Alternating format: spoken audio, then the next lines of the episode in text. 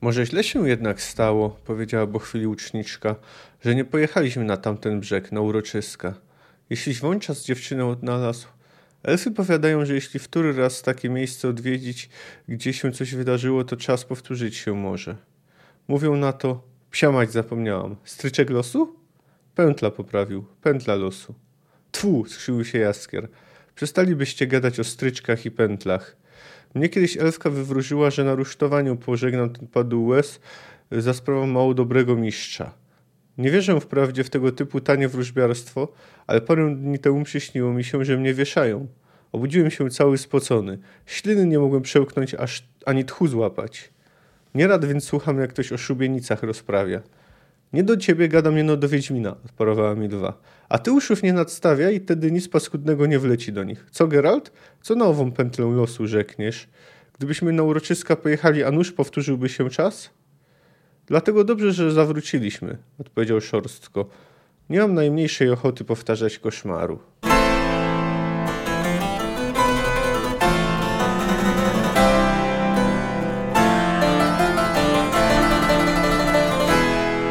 Cześć, jestem Kamil K., a ty słuchasz mojego podcastu Fantastyka Krok po Kroku. Analizuję w nim rozdział po rozdziale lub opowiadanie po opowiadaniu wybrane książki fantastyczne. Zapraszam.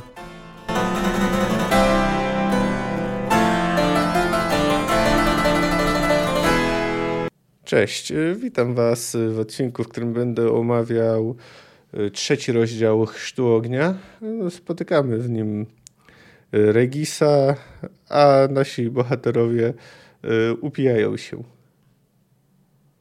Rozdział rozpoczyna się od tego, że no, nasza kompania podróżuje starą drogą.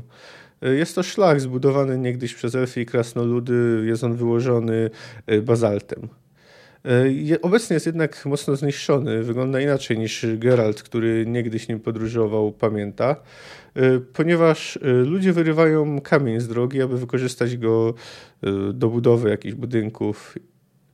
W wyniku tego droga jest mocno podniszczona. Dlatego bardzo się radują, że znajdują jednak ubity szlak i, i zmierzają nim. W pewnym momencie dogania ich koń bez jeźdźca. Na tym koniu jechał Kahir. No więc zakładają, że zginął. Y, jadąc dalej widzą przed sobą łuny, czyli no jakby zbliżają się znów do działań wojennych, a w końcu dochodzą do drzewa, na którym wiszą ludzie. Zoltan decyduje się podjechać bliżej. Po tabliczkach, jakie przy zwłokach umieszczono, stwierdza, że były w tym miejscu temerskie wojska odbywa się dyskusja. Zoltan uważa, że są bezpieczni, a Milwa uważa, że skoro się pali, to znaczy, że trudno mówić o bezpieczeństwie i żeby kierowali się raczej y, lasami. Jaskier popiera Milwę. Twierdzi, że no, y, bezpiecznie będzie jechać lasami. Geralt zwraca uwagę, że jeden z wisielców jest obgryziony przez gulę, ale uczniczka obstaje przy swoim. Stwierdza, że woli gulę od ludzi. No w takim razie kierują się więc lasami. Po pewnym czasie docierają do rzeczki o mało skomplikowanej nazwie O. Y, I właśnie mniej więcej wtedy krasnoludy tracą kontrolę nad wozem, który y, rozpada się na, na kawałki. Grupa rozdziela się. Czterech krasnoludów zakopuje dobytek nad rzeką y, i w szczególności to rozwiązanie popiera Percival. Ewidentnie krasnoludom zależy na tym ładunku i zakupują go tak, żeby nikt inny z kompanii nie widział gdzie, a także Zoltan im zaznacza, żeby, żeby go oznaczyli, ale tak, żeby nikt, y, y, żadna trzecia osoba nie mogła się zorientować, że jest tam coś, czego warto szukać. Mówi pozostałym krasnoludom, że będą podróżować zgodnie z biegiem rzeczki. No ale pojawia się problem, ponieważ gubią trasę, a jej brzegi są bardzo strome. Percival proponuje dwa rozwiązania. Pierwszym jest wyjście z jarów na suchy teren i kierowanie się y, w znanym mniej więcej y, kierunku y, przez tak zwane fankarn. Druga koncepcja to po prostu iść na, iść na wprost i jeśli będzie trzeba ciąć meandry rzeki, to się to zrobi. Ale Geralt odrzuca drugą koncepcję, bo stwierdza, że można trafić na któreś z miechunowych uroczysk. I to właśnie mniej więcej na tych terenach spotkała go ta przygoda z Jurgą, gdy prawie umarł, a potem spotkał e, ponownie Ciri. Tu w końcu trafiają na to Fenkarn, czyli błonie, błonie Kurhanów. To jest bardzo stary elfi cmentarz. Rozważają wycofanie się, ale dzieci i kobiety są wykończone. W pewnym momencie Percival zauważa Gula, czy też kogoś, y, kogo raczej bierze za Gula i kogo opisuje, że wygląda jak poborca podatków. Na początku wydaje się, że gnomowi wszystko się przywidziało, ale Geralt wyczuwa zapach ziół i orientuje się, że rzekomy gul ukrył się w jakiejś jamie. Gdy w końcu zmuszają go do wyjścia, okazuje się, że to nie był gul, tylko człowiek w średnim wieku. Tłumaczy się, że ukrył się przed nimi ze strachu. Przedstawia się jako Emil Regis, pochodzi z Dillingen jest y, cerulikiem.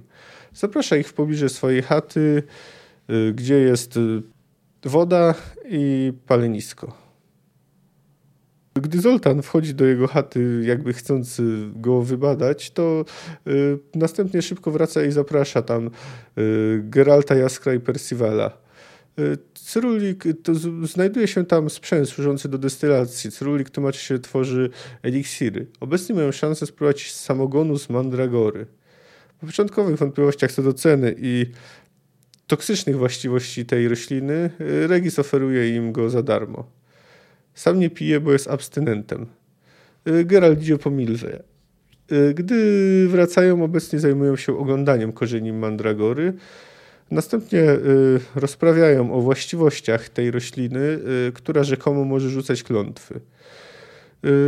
Regis tłumaczy, że to raczej mit związany z tym, że wydzielana przez mandragorę toksyna ma silne Y, działanie, y, ma silne właściwości halucynogenne.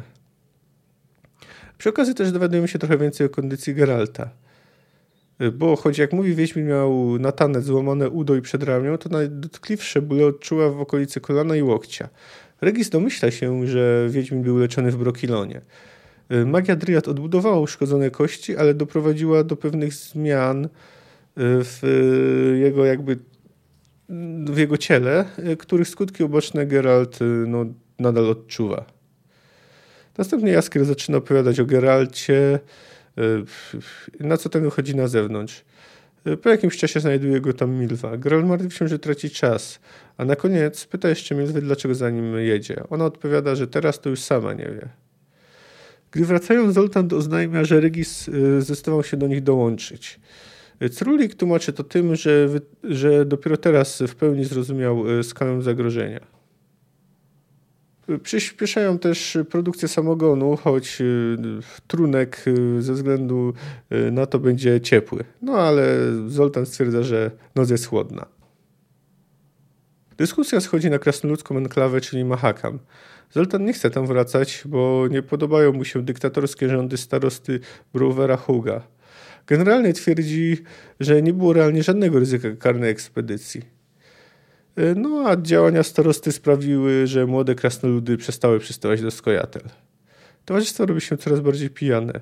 Jaskier otwarcie mówi o tym, że zmierzają do Nilfgardu, aby e, odbić Ciri.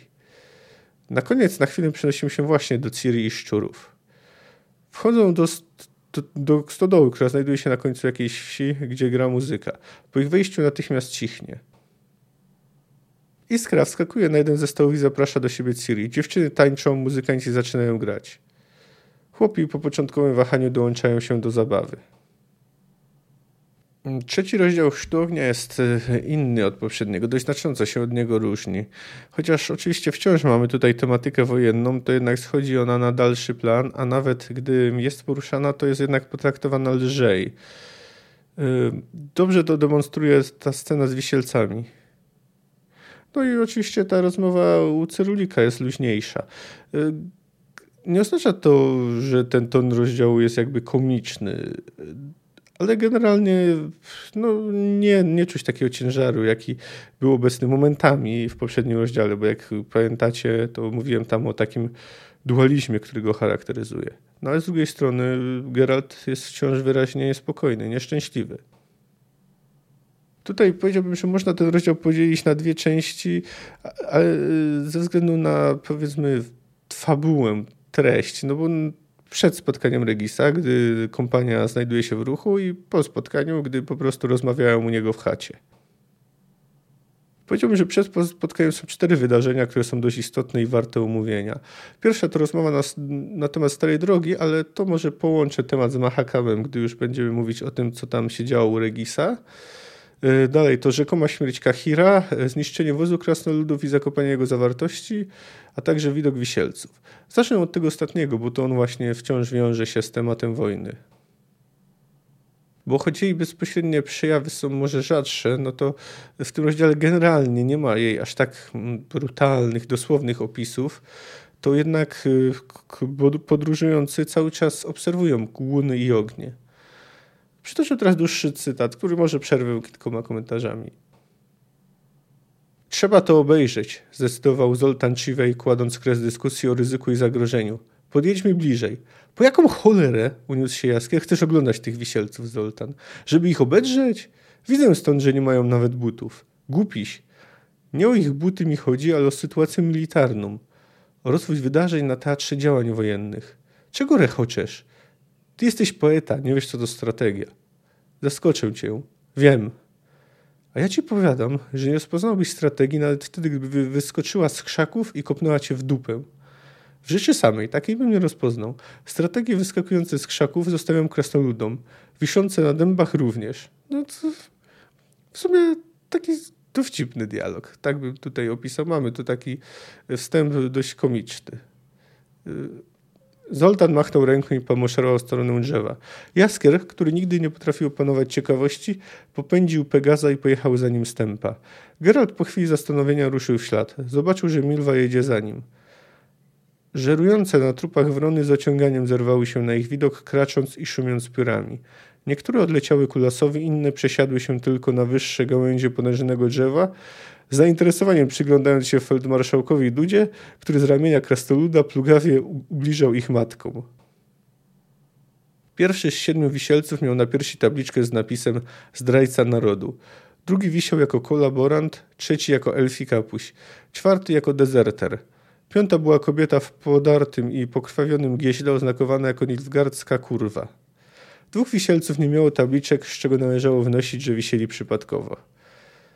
No i tu mamy właśnie odpisywana sytuacja jest brutalna, no bo co by nie mówić, widzieć y, powieszonych ludzi to nic przyjemnego, ale tutaj jest właśnie taki luźny sposób przedstawiony i to nawet jak mówimy, co by nie mówić, znowu mamy pokazany zwłaszcza los kobiet. No oczywiście nie to, żeby mężczyźni mieli mieli jakby dobry los, ale z drugiej strony no oni jednak nie zostali, jak to jest tu wyraźnie zasugerowane, także zgwałceni.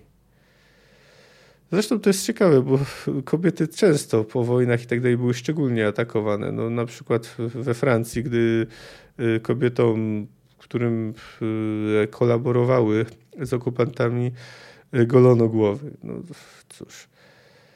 Czyli można powiedzieć, były one szczególnie upokarzane. W każdym razie tutaj mamy takie lek lekkie rozluźnienie klimatu. No ale kontynuujmy. Dobra jest, rozradował się Zoltan Ciwaj wskazując na tabliczki. Widzicie? Przeszły tędy nasze wojska. Nasi chłopcy malowani przeszli do ofensywy, odparli agresora i mieli, jak widzę, czas na odpoczynek i wojackie rozrywki. No cóż, no takie... Takie tu, prawda, rozrywki są przedstawione jako coś naturalnego w czasie wojny. I co to dla nas oznacza? To, że front przesunął się już, a od Nilfgaardczyków odciela nas wojsko temerskie.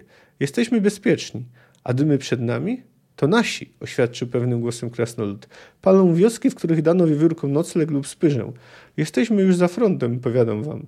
Z tego rozstaju biegnie południowy szlak, który wiedzie do armerii, prezydium leżącego w widłach Hotli i inny. Droga wygląda porządnie, możemy nią iść. Nilfgaardczyków lękać się już nie musimy. A tutaj no, warto dodać, że widać, że wyraźnie Zoltan integruje się z Temerią, czuje się z nią związany. No, nie wiem, jak czują się sami Temerczycy, bo wystarczy przypomnieć, jak potraktowany przez y, Kedwen został y, Jarpen Zigrin i jego towarzysze. Gdzie się dymi, tam się pali, odezwała się Milwa. A gdzie się pali, tam się sparzyć można. Tak sobie myślę, że głupia to rzecz na ogień się kierować. Głupia to rzecz drogą iść, na której jazda w mig może nas ogarnąć. Zapadnijmy w lasy, Tędy przeszli Temerczycy lub armia Sodden, upierał się krasnolud. Jesteśmy za frontem. Możemy bez lęku walić gościńcem. Je jeżeli napotkamy wojska, to nasze. Hazardownie pokręciła głową łuczniczka. Jeśli taki z ciebie wojennik, Zoltan, to wiesz przecie, że Nilfgaard zwykł był daleko zagony jazdy puszczać. Tutaj byli Temerczycy. Może to być. Ale co jest przed nami, tego nie wiemy. Niebo na południu aż czarne od dymu, ani chybi gorzeje właśnie owo twoje prezydium w Armerii. Wtedy my nie za frontem, ale na froncie. Możemy nadziać się na wojsko, na maruderów, na luźne hultajstwo, na wiewiórki. Idźmy tu kuchotli, ale duktami. Racja, poparł ją Jaskier. Mnie też nie podobają się tamte dymy. Nawet jeśli Temeria przesz przeszła do ofensywy, przed nami mogą być jeszcze wysforowane nilfgardzkie szwadrony. Czarni robią dalekie rajdy. Wychodzą na tyły, łączą się ze Skojatel, robią mont i zawracają. Pamiętam, co działo się w Górnym Sodem podczas poprzedniej wojny. Też jestem zdania, żeby iść lasami. W lasach nic nam nie zagrozi. Nie byłbym tego taki pewien. Geralt wskazał na ostatniego wisielca, który choć dyndał wysoko, zamiast stóp miał poorane pazurami skrwawione kikuty ze sterczącymi kośćmi. Spójrzcie, to robota guli. Upiorów? Zoltan Ciwaj cofnął się splunął. Trupojadów? Jak najbardziej. W nocy wśród lasów musimy strzec. Krwa mać! Zaskrzeczał feldmarszałek Duda. Z ust mi to wyjąłeś, ptaku, zmarszczył brwi Zoltan Ciwej. Ot, popadliśmy w kabałę. Jakże więc? W las, gdzie upiory, czy drogą, gdzie wojska i maruderzy? W lasy, powiedziała przekonaniem Milwa. A co gęszcze? Wolę gule niż ludzi. No, w zasadzie trudno się Milwie dziwić. Biorąc pod uwagę to, o czym już czytaliśmy, to, co oni widzieli. No i w zasadzie potwory generalnie co najwyżej atakują pojedynczych ludzi, którzy się pojawią i w większości przypadków da się ich ominąć. Natomiast wojska mają w zwyczaju, zwłaszcza wojska Nilfgaardu, niszczyć wszystko na swojej drodze. No i żołnierzy jest zwyczajnie więcej niż potworów. No więc ta scena jest opisana takim ewidentnie luźniejszym tonem, lżejszym, chociaż przecież poruszane są dość ciężkie tematy, no bo wciąż mamy okrucieństwo wojny, los, to jak zmieniona los zwykłych ludzi. No ale Sapkowski tutaj nie patuje brutalnością, ale też nie owija w bawełnę. Ale jeszcze jak chodzi o to właśnie lżejsze podejście, to wydaje się, że są one spowodowane dwoma rzeczami. Tak to ja przynajmniej interpretuję. Po pierwsze, trzeba zwrócić uwagę, że nasza kompania już podróżuje od jakiegoś czasu w wojennym terenie, więc już się trochę napatrzyła. Więc jak już w poprzednim rozdziale było wspomniane o zobojętnieniu, więc może po prostu dlatego są w stanie tak luźno rozmawiać, bo po prostu no nie byliby w stanie się tym wszystkim przejmować. To zobojętnienie, jakiś tam poziom zobojętnienia jest rzeczą naturalną. Myślę, że może też chodzić o czytelników. Chodzi o to, żeby nie bombardować ich cały czas brutalnymi opisami, tak żeby wzbudzać w nich szok, bo po pewnym czasie sami oni też by zobojętnieli albo odłożyli książkę z niesmakiem. Dlatego ten rozdział ma właśnie lżejszy, no ale przecież nie do końca dowcipny ton. Generalnie nie ma tu dużo takiego dualizmu, o którym był, mówiłem w poprzednim roz, rozdziale. No można przytoczyć jeszcze taki e, jeden fragment, e, gdy Milwa mówi o potworach chroniących swoje żony przed maruderami. Szli lasami, początkowo ostrożni, spięci, reagujący alarmem na każdy szelest w chaszczach. Wkrótce jednak odzyskali kontenans, humor i poprzednie tempo. Nie widzieli ani guli, ani najmniejszych śladów ich bytności. Zoltan żartował, że upiory i wszelkie inne demony musiały dowiedzieć się o nadciągających wojskach, a jeśli potworom zdarzyło się zobaczyć w akcji maruderów i werdeńskich wolontarzy, to zdjęte z zgrozą skryły się w najgłębszych i najdzikszych matecznikach, gdzie teraz siedzą, trzęsąc się i dzwoniąc kłami i strzegą o upiorzy, swych i córek, warczała Milwa. Monstra wiedzą, że wojownik w pochodzie nawet owcy nie przepuści, a jeśli babskie giewzło na wierzbie powiesić, to bohaterom dość będzie i dziury po sęku. Jaskier, który od dłuższego czasu nie tracił werwy i humoru, nastroił lutnię i zaczął układać stosowny kuplet o wierzbach, dziuplach i jurnych wojownikach, a krasnoludy i papuga prześcigały się w podpowiadaniu murymów. No tak, no takim no cóż, no tak jak mówiła, poważny temat, jakby nie patrzeć, no ale, ale jest też połączony z takim e, dowcipno, dowcipnością. No takim jeszcze jednym poniekąd wojennym elementem jest rzekoma śmierć Kahira. No później dowiemy się, że ten Nilfgaardczyk, który nie jest Nilfgaardczykiem wcale nie zginął, no ale tutaj tak myślą nasi bohaterowie i nie bez powodu. No i po kłopocie, powiedziała Milwa patrząc na Geralta. O ile to naprawdę był kłopot. Prawdziwy kłopot w tym, że nie wiemy, kto jeźdźca z siodła wysadził, mruknął Zoltan. I czy ów ktoś nie jedzie nam w trop śladem naszym i naszej byłej, a dziwnej straży tylnej? To był Nilfgaardczyk, Geralt zacisnął zęby. Mówił prawie bez akcentu, ale zbiegli chłopi mogli rozpoznać. Milwa odwróciła głowę. Trzeba było go wówczas zasiec, Wiedźminie, powiedziała cicho. Miał lżejszą śmierć. Wyszedł z trumny, pokiwał głową jaskier, patrząc na Geralta wymownie, tylko po to, by zgnić w jakimś rowie. Na tym skończyło się epitafium dla Kahira, syna Kallacha, wypuszczonego z trumny Nilfgaardczyka, który twierdził, że nie jest Nilfgaardczykiem. Więcej o nim już nie rozmawiano. Ponieważ Geralt, mimo wielokrotnych gruźb, nie kwapił się jakoś rozstać z norowistą płotką, ciska dosiadł Zoltan Ciwej.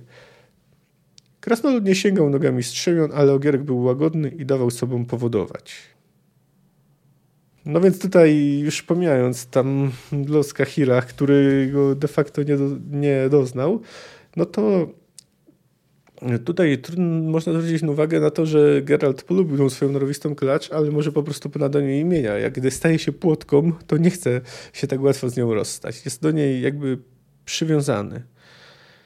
Nim przejdziemy mm, do zabawy u Regisa, no to na pewno należy też poruszyć temat ładunku, y, który krasnoludy zakopują.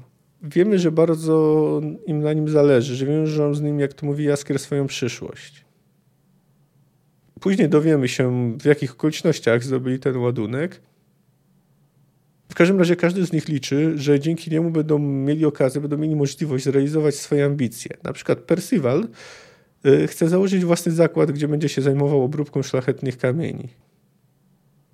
To samo zresztą tak wspomina a propos y, zdobycia tego dobytku y, podczas właśnie zabawy u Regisa, gdy już mocno pijany, wspomina, że kto wie, czy Y, że jeszcze wszystko może się zepsuć, że, że jeśli zostaną złapani, to czeka ich stryczek albo Drakenborg. No, Drakenborg to ukryte zmysłową redańskie więzienie.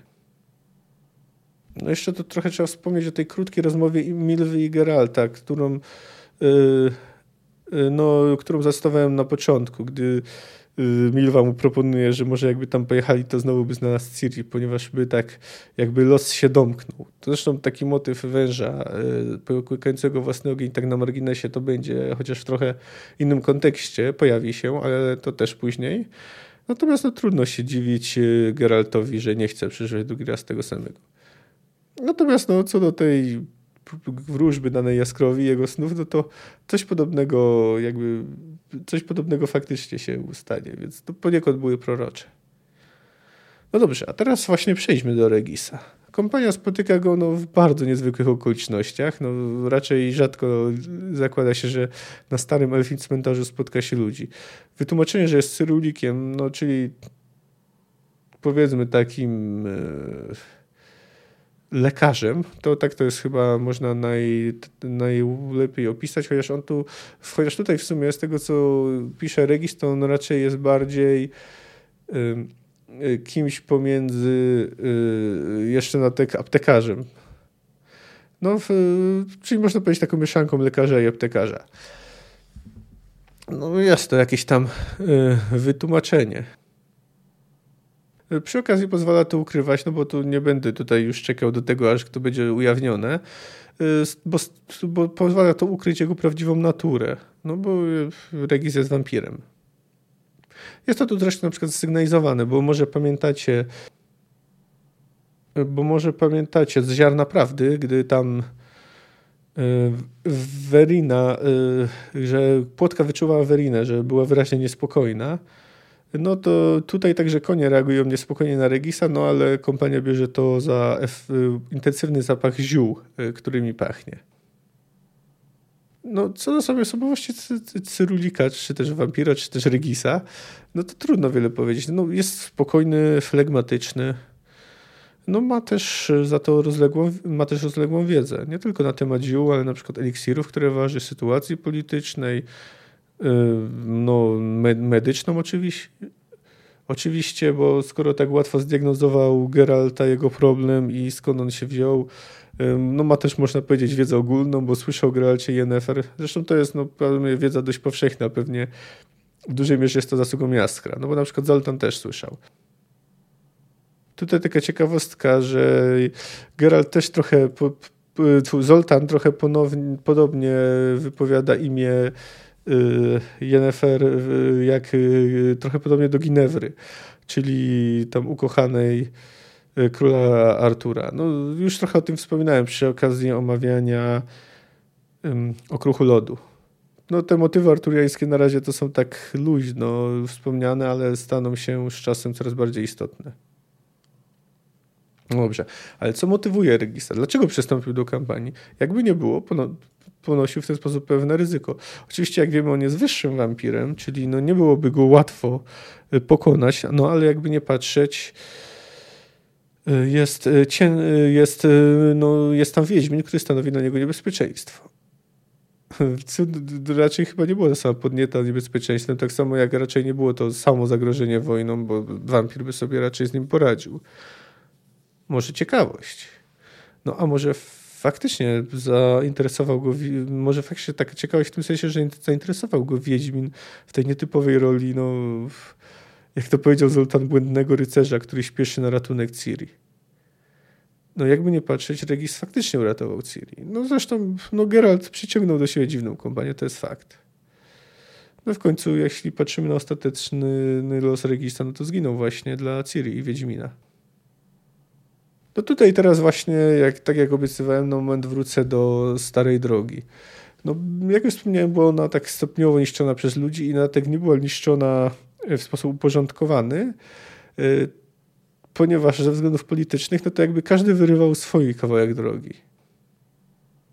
No i przy okazji dowiadujemy się trochę, jak powstały ludzkie miasta. O ile mniejsze ośrodki ludzie sami zbudowali, no to wszystkie większe miasta są, dotychczas wiedzieliśmy, że są na elfich fundamentach budowane, ale Zontan mówi, że również na krasnoludzkich. Jest to o tyle ciekawe, że no w sumie nie wiemy do końca, jak krasnoludy funkcjonowały przed przybyciem ludzi. Y, jak najwyraźniej też budowały jakieś, jakieś miasta. Z tym, że no, natura krasnoludów, o której zresztą zaraz tam będziemy mieć wspomnieć, e, wspomniane, to one funkcjonują trochę inaczej. E, krasnoludy nie przywiązują takiej wagi do miejsca jak elfy. Elfy wyraźnie czują się związane z Dolblatanem. Musi mieć ten konkretny teren. Natomiast krasnoludów właśnie integruje klan, integrują ich współtowarzysze, ich można powiedzieć ziomkowie. To znaczy po prostu po prostu nie, ma, nie mają takiego problemu. Natomiast stosunek y, Zoltana do, do Mahakamu jest wyraźnie ambiwalentny. Z jednej strony uważa rządy tamtejszego starosty za opresyjne, z drugiej strony wyraźnie czuje dumę z osiągnięć swoich współziomków, z tego jak swoich współplemieńców, z tego jak udało im się poniekąd uzależnić od siebie ludzi ekonomicznie. Jest też przekonany, że interwencja królów północy w Mahakamie była niemożliwa, no, wiemy, że ją planowali, no ale oni żywili różne mrzonki. Przytoczmy długi, ale bardzo ciekawy według mnie dialog. Być może kilka razy wtrącał swoje uwagi. Regis nagle dał wyraz zdziwieniu, gdy okazało się, że finalnym celem wędrówki nie jest enklawa masywu Mahakamu, odwieczna i bezpieczna krasnoludzka siedziba – Zoltan, który zrobił się jeszcze gadatliwszy od Jaskra, oświadczył, że do Mahakamu nie wróci pod żadnym pozorem i dał upust swej niechęci wobec panujących tam porządków, zwłaszcza zaś wobec polityki absolutnej władzy starosty Mahakamu i wszystkich krasnoludów Brovera Hoga.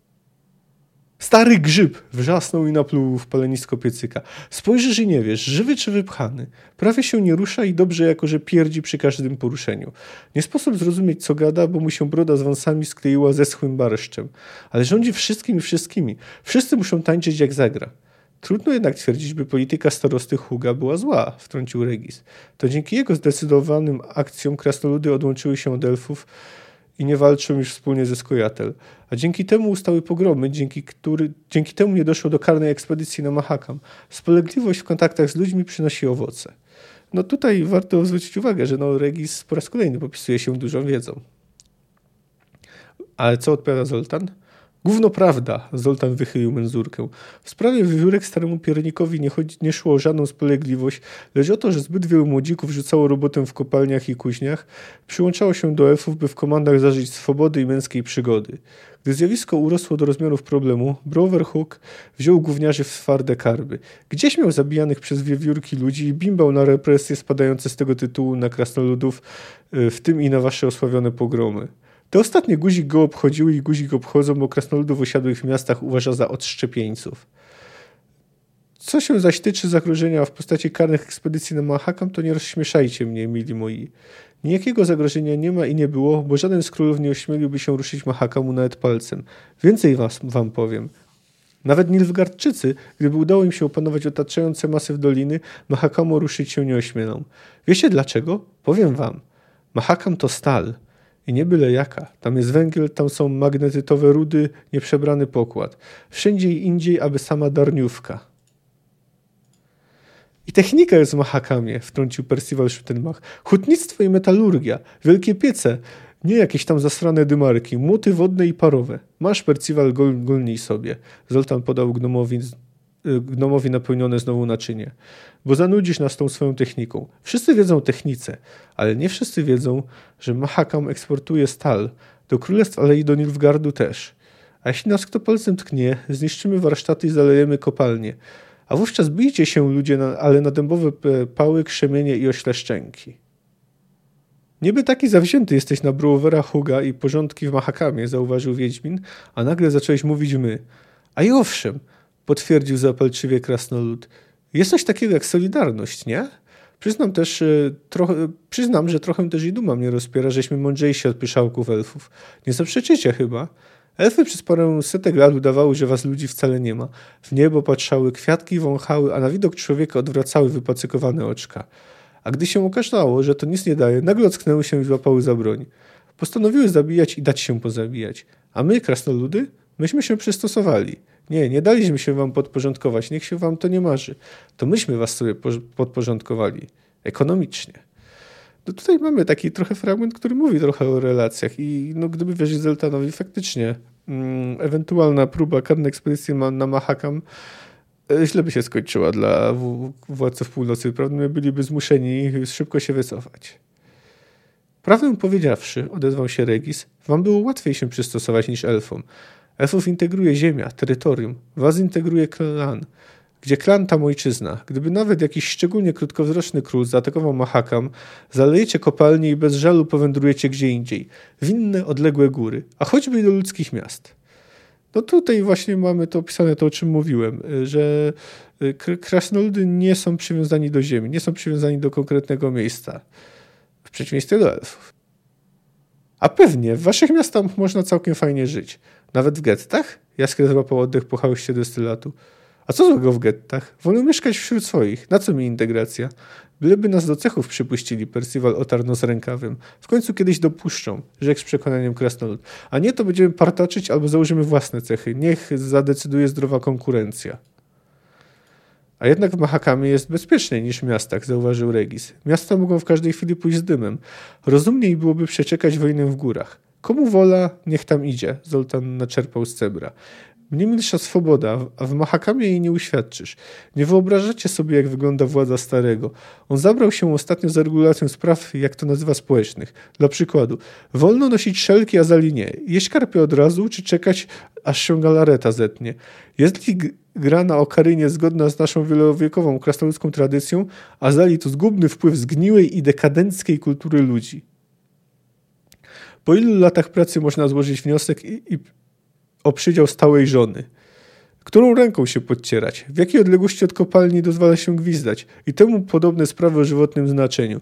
Nie, chłopcy, ja nie wracam pod górę karbon. Nie mam ochoty spędzić e, życia na przodku w kopalni. 40 lat na dole, o ile wcześniej nie pierdyknie metan. No więc, jak widzimy, nawet jeśli Zoltan przesadza, to um, Mahakam jest nie tylko odcięty od innych, y, od y, no, innych jakby środowisk, że jest zamkniętą, bardzo zamkniętą społecznością, no to trzeba też dodać, że no, można przyjąć, że starosta faktycznie rządzi bardzo twardą ręką i no nie dziwi się, że może to niektórym niespecjalnie pasować. trudno się dziwić deklaracją Zoltana, no, chociaż jego plany też zostaną później zweryfikowane. A co do tej sytuacji w miastach, no to jak widzimy, krasnoludy uważają, że sobie poradzą z dyskryminacją, że no prędzej czy później jakoś sobie, jakoś im się to uda. Wiedza, jaką uzyskaliśmy o Mahkamie jest wyrywkowa, ale w sumie całkiem duża, no ale już raczej wiele więcej już się o nim nie dowiemy. No, chciałbym jeszcze poruszyć temat y, Geralta i Milwy. Y, łuczniczka wydaje mi się, że wciąż jest w jakiś sposób tam zadłużona w Geralcie. Y, to jest y, szczególnie charakterystyczne w tym dialogu, gdy Geralt na moment troszkę obrażony, ale także zmartwiony, przede wszystkim nosem Ciri wyszedł z namiotu, gdy Jaskier zaczynał o nim opowiadać. No i ona wtedy wyszła i spytała go, on jej się jej pożalił. No ona powiedziała, że nie umie liczyć tak dobrze jak on, że żeby go pocieszyć, to potrzebuje tej drugiej, mądrej. I tutaj wydaje mi się, że słychać u łuczniczki pewną gorzkość, a także pewne poczucie tego, że jakby mm, wie, że nie ma szans spełnić, wypełnić tej pustki, którą czuje Geralt, y, dać mu to, czego on potrzebuje. I no nie czuje się z tym najlepiej, że jest no między innymi za mało wykształcona. Tak swoją drogą, jeśli tu przy Geralcie, oczywiście Wiedźmin tu cały czas jest, e, ale, ale można powiedzieć, że nie odgrywa w, w większej roli. Głównymi bohaterami są raczej Regis, Krasnoludy, może nawet bardziej Milwa i Jaskier niż on. No ale niemniej nie, nie głównym celem Geralta i jego towarzyszy, bo nie Krasnoludów, jest yy, dotrzeć do Ciri. Yy, odnaleźć ją. A ona właśnie pojawia się na moment, na samym końcu rozdziału. No i tutaj wiemy, że ten sen, który opisał Geralt w poprzednim rozdziale, gdy widzi ją tańczącą w jakiejś budzie, był prawdziwy. No bo właśnie to jest teraz opisane. Y, I czy można powiedzieć, że Ciri jest szczęśliwa? W sumie tak, chociaż chyba nie do końca. Struny gęśli zanoszą się w zgorączkowanym, płomiennym, sięgającym najwyższych rejestrów śpiewem. Krew wali w skroniach. Zapamiętanie, zapomnienie. Jestem falka, zawsze byłam falką. Tańcz iskra, klaszcz mi styl. Skrzypki i fujarki kończą melodią ostrym, wysokim akordem. Iskra i Ciri punktują koniec tańca jednoczesnym łomotnięciem obcasów, a ich łokcie nie tracą przy tym kontaktu. Dyszą obie rozedrgane, mokre, lkną do siebie, nagle obejmują, obdarzają się wzajem potem gorącym i szczęściem. Szop eksploduje jednym wielkim wrzaskiem, klaskaniem dziesiątków dłoni. Ciri dobrze się bawi, ale widać też, że stara się zapomnieć, stara się pamiętać tylko o tym, że zawsze była falką też do Ciri jeszcze wrócimy. W każdym razie, no i ona też jest obecna w dość y, szczątkowej formie w tym rozdziale. No, została mi do omówienia jeszcze jedna bohaterka y, tego rozdziału, no, choć jest to osoba tylko roślina. Chodzi mi oczywiście o Mandragorę, na bodzie której stworzony był Bimber, którym upili się nasi bohaterowie. Zacznę od cytatu encyklopedycznego otwierającego ten rozdział. Mandragora albo dziwostręt. Rodzaj roślin z rodzin psiankowatych, obejmujących rośliny zielne, bezłodygowe z korzeniami rzepowymi, w których dostrzec można podobieństwo do postaci ludzkiej. Liście zebrane są w rozetę. Mandragora autumnalis albo officinalis uprawiana na niewielką skalę w Vicaro, Rowan i Imiar. Dziko rośnie rzadko. Jagody zielone, następnie żółknące, jadane są z octem i pieprzem. Liście używają się w stanie surowym.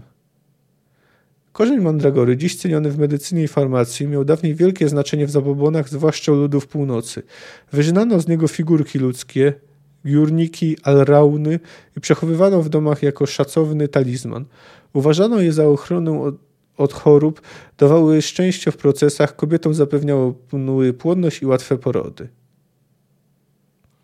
Strojono je w sukienki i na nowiu dawano nową odzież.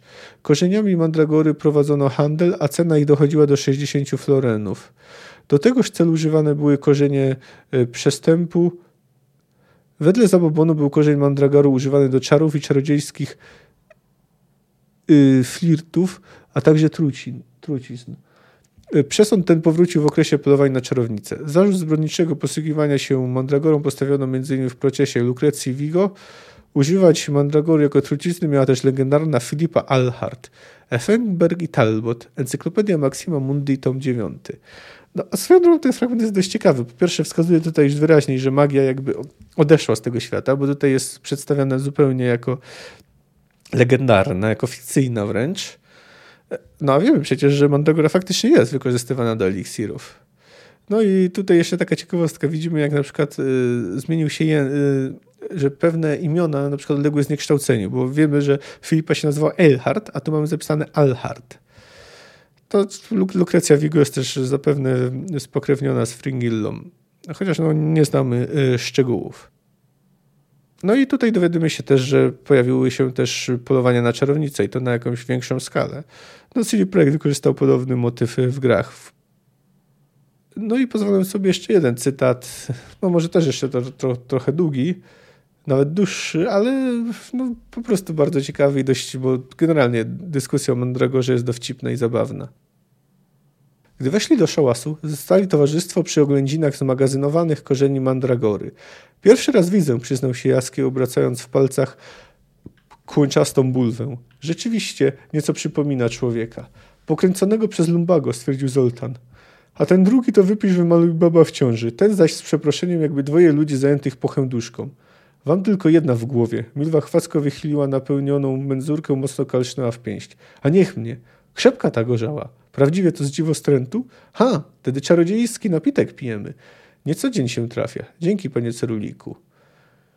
Ależ cała przyjemność po mojej stronie. Konsekwentnie napełniona menzurka okrążyła kompanię, pobudzając humor, wigor i gadatliwość. Taka mandragora, jakem słyszał, to warzywo o wielkiej magicznej mocy, rzekł z przekonaniem Percival Schuttenbach. A tutaj warto też zwrócić uwagę na język, bo to oczywiście Milwa posługuje się prostym językiem, ale także z y, Glom, a także jak i jej krasnolud też mówią trochę inaczej. No nie mówią takim, można powiedzieć, wręcz literackim językiem, jak to robi na przykład, y, no nie tylko Geralt, ale też na przykład jak robiły czarodziejki. A jakże, potwierdził Jaskier, po czym golnął sobie, otrząsnął się i zaczął gadać. Mało to ballad na ten temat ułożono? Czarodzieje używają mandragory do eliksirów, dzięki którym zachowują wieczną młodość. Czarodziejki nadto wyrabiają z, alara, z alrauny maść, która nazywa się glamaria. Wysmarowana taką maścią czarodziejka robi się tak piękna i czarowna, że oczy na wierzch wyłażą. Trzeba wam też wiedzieć, że mandragora jest silnym afrodyzjakiem i używa się jej do magii miłosnej, zwłaszcza do przełamywania dziewczęcych oporów. Stąd właśnie bierze się ludowa nazwa mandragory, dziwostręt. Znaczy się ziele, które stręczy dziwki. Bałwan, skomentowała Milwa. A ja słyszałem, że gnom, wychyliwszy napełnione naczynie, że gdy się korzeń alrau, alrauny z ziemi wyciąga, to roślina płacze i, zawiedzi, i zawodzi jak żywa. Ba, powiedział Zoltan, Zoltan naczerpując cebrzyka, żeby tylko zawodziła. Mandragora, mówią, wrzeszczy tak okropnie, że zmysły postradać od tego można, a nadto gusła wykrzykuje i klątwy miota na tego, kto ją z ziemi wyrywa. Życiem można taki hazard przypłacić. Widzi mi się to osielską bajędą. Milwa wzięła od niego menzurkę, wypiła z rozmachem i cząsnęła się. Nie może to być, by roślina taką moc miała. Tak swoją drogą, no pomijając to, że towarzystwo jest mocno pijane, to y, Milwa pełni tu taką rolę głosu rozsądku. Y, niezawodna to prawda, zawołał zapalczywie krasnolud. Ale roztropni zielarze wynaleźli sposób, by się ochronić. Znalazłszy alraunę, trzeba umotać do korzenia postronek jednym końcem, a do drugiego zasię końca postronka uwiązać psa, albo świnię, wtrącił gnom, albo dziką świnię, dodał poważnie Jaskier. Głupiś poeto. Rzecz w tym, by to sobaka albo świnia mandragorem z ziemi wytargała, wówczas klątwy i uroki zielska na ciągnącego zwierzaka spadną, zielarz, zielarz zaś daleko i bezpiecznie w chaszczach ukryty cało ujdzie. Co, panie Regis? Słusznie mówię? Metoda jest interesująca, przyznał alchemik, uśmiechając się zagadkowo, głównie przez jej pomysłowość. Minusem jest jednak daleko posunięta komplikacja. Wszakże teoretycznie wystarczyłby sam postronek bez pociągowego zwierzęcia. Nie posądzałbym mandragory o zdolność rozpoznania, kto ciągnie za postronek. Czary i klątwy zawsze powinny spać na sznurek, który jest przecież tańszy i mniej kłopotliwy w obsłudze niż pies, że o świni nie wspomnę. No tutaj jest tak, wracając na chwilę do języka, no to widzimy, że Regis też posługuje się raczej wyrafinowanym słownictwem. Kpicie? Gdzieżbym śmiał? Mówiłem, podziwiam pomysłowość, bo jakkolwiek Mandragora, wbrew powszechnej opinii, nie jest zdolna do rzucenia uroków czy klątw, Jest to w stanie świeżym roślina silnie toksyczna, tak dalece, że trująca jest nawet gleba wokół korzenia. Pryśnięcie świeżego soku na twarz lub na skaleczoną dłoń, ba, nawet wdychanie oparu może mieć fatalne skutki. Ja używam maski i rękawic, co nie znaczy, bym miał coś do zarzucenia metodzie postronka. Hmm, zastanowił się krasnolud. A z owym krzykiem straszliwym, który wyrywana Alrauna wydaje, prawda to? Mandragora nie posiada strun głosowych, wyjaśnił spokojnie alchemik. To raczej typowe dla roślin, nieprawdaż? Wydzielana przez klącze toksyna ma jednak silne działanie halucynogenne. Głosy, krzyki, szepty i inne dźwięki to nic innego jak halucynacje wytwarzane przez porażony centralny ośrodek nerwowy. No i znowu widzimy, jak mm, się popisuje wiedzą y, Regis. Ha, na śmierć zapomniałem. Z jaskra, który właśnie wychylił menzurkę, wyrwało się stłumione beknięcie. Mandragora jest silnie trująca, a ja brałem ją do ręki, a teraz chlamy ten wywar bez opamiętania. Toksyczny jest wyłącznie świeży korzeń alrauny, uspokoił go Regis. Mój jest sezonowany i właściwie przygotowany, a destylat jest filtrowany. Nie ma powodu do obaw. Pewnie, że nie ma, zgodził się Zoltan. Bimber zawsze będzie bimbrem. Pędzić go można nawet y, z szaleju pokrzywy rybich łusek i starych sznurowadeł. Dawaj szklankę, Jaskier, bo kolejka czeka.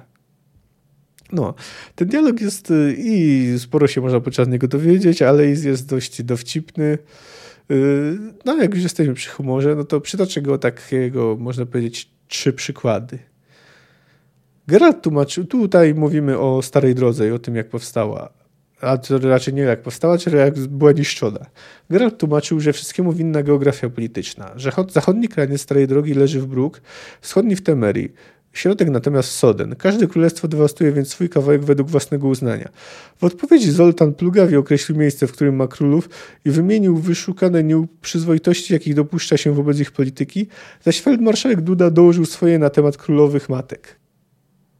Ogólnie przeklinająca papuga w ten sposób Y, jakby kończąca, czy też dopowiadająca y, do wypowiedzi, no, jest po prostu dość zabawna, no przynajmniej dla mnie.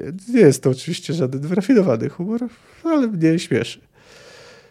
Na moim sichilu, warknął Zoltan, obnażając miecz, wyryte jest starodawnymi krasnoludzkimi runami prastare krasnoludzkie zaklęcie.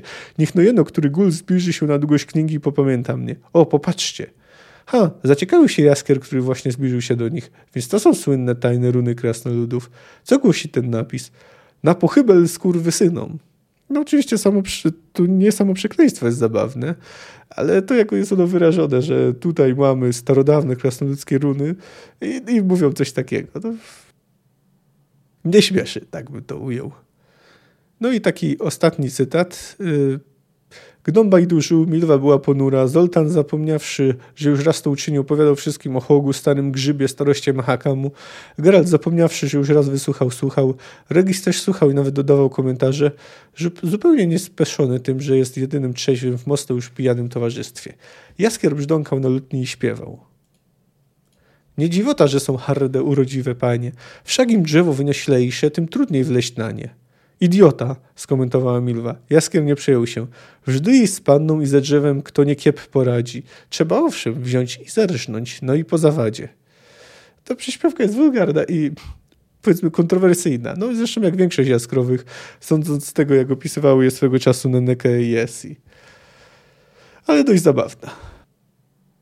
No jeszcze wspomnę takie dwie ciekawostki. Milwa zaprzyjaźniła się z pewną dziewczynką, którą wzięła na konia, a gnomy mają długie nosy i najwyraźniej są wzrostu podobnego do krasnoludów, bo gdy y, tam wyszli wysz, weszli w wysoką trawę, to Geraltowi sięgała do kolan, a Gnomowi i Zoltanowi do bioder.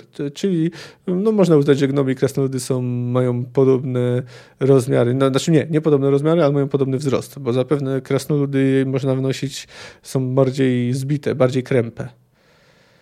No to już jest prawie koniec, ale no może jeszcze kilka słów warto poświęcić grom. Zoltan pojawia się we wszystkich trzech częściach Wiedźmina od CD Projektu. Pełni on tam chyba nawet ważniejszą rolę niż w książkach, bo tam jest jakby ważniejszym znajomym Geralta niż Jarpen, którego jakby nie patrzeć Wiedźmin zna dłużej. W, w, w dodatku do Wiedźmina 3 pojawia się też Regis. Yy, chodzi mi tu o krew i wino. No, oczywiście jego pojawienie jest dyskusyjne, biorąc pod uwagę to, co spotyka go w Pani Jeziora, no ale został przedstawiony nieźle i generalnie y, cały tam jego wątek jest dość ciekawy, interesujący. Może jeszcze się rozwinął porusowany na jego temat. No i ale jeszcze w grze natomiast Thronebreaker, która niestety nie osiągnęła sukcesu, trochę szkoda, odwiedzamy m.in. Mahakam. Yy, pokazanie tej innej, takiej izolującej się kultury wyszło twórcom całkiem nieźle. Ale ogólnie to jest bardzo dobra gra. No, ogólnie bardzo lubię ten rozdział. Yy, kompania się ze sobą zaprzyjaźnia, spotykam Regisa. Yy, mam nadzieję, że nie zanudziłem was specjalnie cytatami, ponieważ było ich wiele, no ale po prostu wydały mi się one wszystkie dość, dość interesujące i warte przytoczenia. W następnym odcinku, który mam nadzieję ukaże się za tydzień, będziemy świadkami procesu o czary, a Geralt i Jaskier wpadną w kłopoty. Do usłyszenia. Cześć.